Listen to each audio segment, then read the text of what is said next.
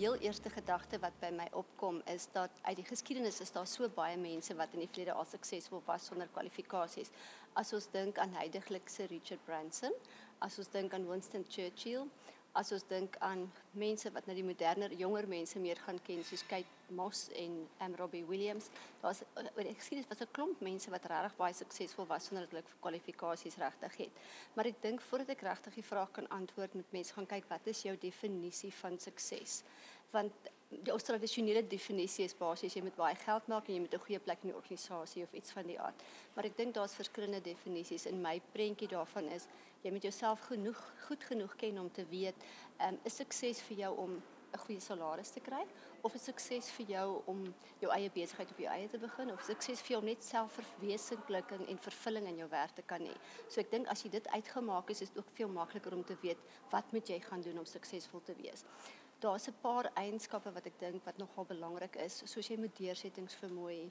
Jy moet um, bereid wees om 'n risiko te kan neem, jy moet bereid wees om foute te kan maak en uit jou foute te kan leer. So my ek kan amper sê my intuïsie sê vir my dit is heeltemal moontlik want daar's genoeg bewyse, maar dan moet jy maar gaan stop en vir jouself gaan vra, wat is die goed wat regtig vir jou passie gee? Wat is die goed wat regtig vir jou vervulling gee in die lewe? Ehm um, en daarmee saam moet jy vir jouself ek jouself 'n guns amper gaan doen en bietjie gaan marknavorsing doen om te gaan kyk wat is regtig die behoefte in die mark. Want meeste van die tyd as jy nie kwalifikasies het en jy wil suksesvol wees, is dit 'n kombinasie tussen iets waaroor jy regtig 'n passie het en waaroor daar ook 'n gaping in die mark is vir jou om iets spesifieks te gaan doen. En dan help dit ook vir jou om met van jou mense wat jou regtig goed ken te gaan gesels en te hoor wat hulle regtig dink. Maar ek dink my belangrikste boodskap is ja, dit is moontlik. Ek dink dit ons moet regtig gaan stop en gaan eerlik met onsself wees en gaan kyk.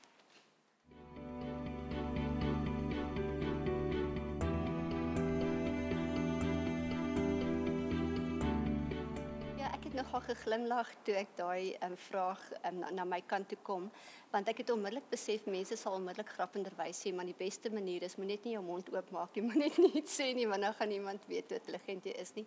Maar daar's vir my twee goed wat belangrik is. Die een kant is jy moet jouself aanvaar en weet wie jy is weet wat jou sterk areas is weet wat jou groei areas is en dan moet jy ook gaan besef mense is intelligent op verskillende maniere party mense is spiritueel intelligent ander mense is wiskundig intelligent ander mense is emosioneel intelligent. So ons persepsie dat intelligente gesprek nie noodwendig beteken jy moet met iemand oor ingewikkelde politieke of ekonomiese goed gaan praat is nie regtig waar nie. So ek dink aanvaar jouself, weet wat is jou spesifieke talent en daarmee saam dan die fokus te plaas op die ander persoon want meeste mense hou daarvan dat jy regtig omgee en belangstel in hulle. En om dit te kan doen met jy die talent hê om te kan luister ook. So vir jou om 'n gesprek te kan voer, dink ek dit begin amper om te luister wat die ander persoon vir jou sê, agter te kom wat sy lewenswêreld en behoeftes is en dan daarop uit te brei. En meeste van die tyd as jy dit doen, dan kom jy eintlik agter dit is 'n baie gemaklike gesprek. Ek dink ons eie vrese van wat moet ek nou sê, gaan ek verkeerde ding sê is op die ou en die ding wat ons die meeste kort weet. Ons almal ken die spreekwoord wat sê 'n gesonde liggaam huisves 'n gesonde gees. So ek dink as ouer is die eerste ding wat jy moet doen, gaan maak seker dat jou kind genoeg slaap, dat hy gesond eet. Maak asseblief seker dat hy water drink want water is elektriese impulsgeleier in jou liggaam. So as jy nie genoegsaam water drink nie, dan is dit vir jou baie moeiliker om te leer. Dit is ook vir jou baie moeiliker om toegang tot jou geheue te hê. So maak eers seker dat jou kind fisies in die regte spasie is. Die tweede ding wat ek dink belangrik is is dat jy moet agterkom wat is jou kind se leerstyl, want kinders leer almal op verskillende maniere. Daar's baie kinders wat leer wat ons kinestetiese leer neem, hulle leer deur te doen, dan um, leer baie kinders deur te luister en ander kinders leer deur te sien.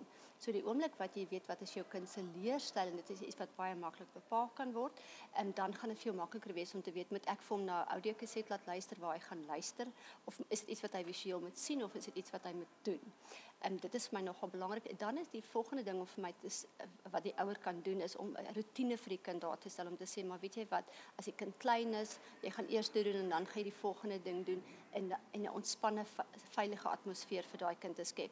Soos wat jou kind dan ouer word, moet jy vir hom al hoe meer vryheid gee want uiteindelik moet hy verantwoordelikheid aanvaar om self te gaan studeer. En ek dink die laaste ding wat belangrik is is as jy vir jou kind kan blootstel aan die verskillende leertegnieke want daar's goed soos assosiasies, daar's goed soos herhaling, daar's goed soos breinkaarte. So daar is tegnieke wat jy kan gebruik en party kinders het regtig nie eers die idee dat dit bestaan nie. So ek dink jy moet eintlik holisties na jou kind gaan kyk en nie net dink hy moet daar vir die boeke sit en leer die hele tyd nie want kinders leer een kind kan met musiek leer ander kind kan glad nie met musiek leer nie so ken jou kind goed genoeg maak dit seker dat sy liggaam in die regte spasie is en dan van daar af gaan fokus so 'n bietjie op sy spesifieke leerstyl om dit daarvolgens aan te pas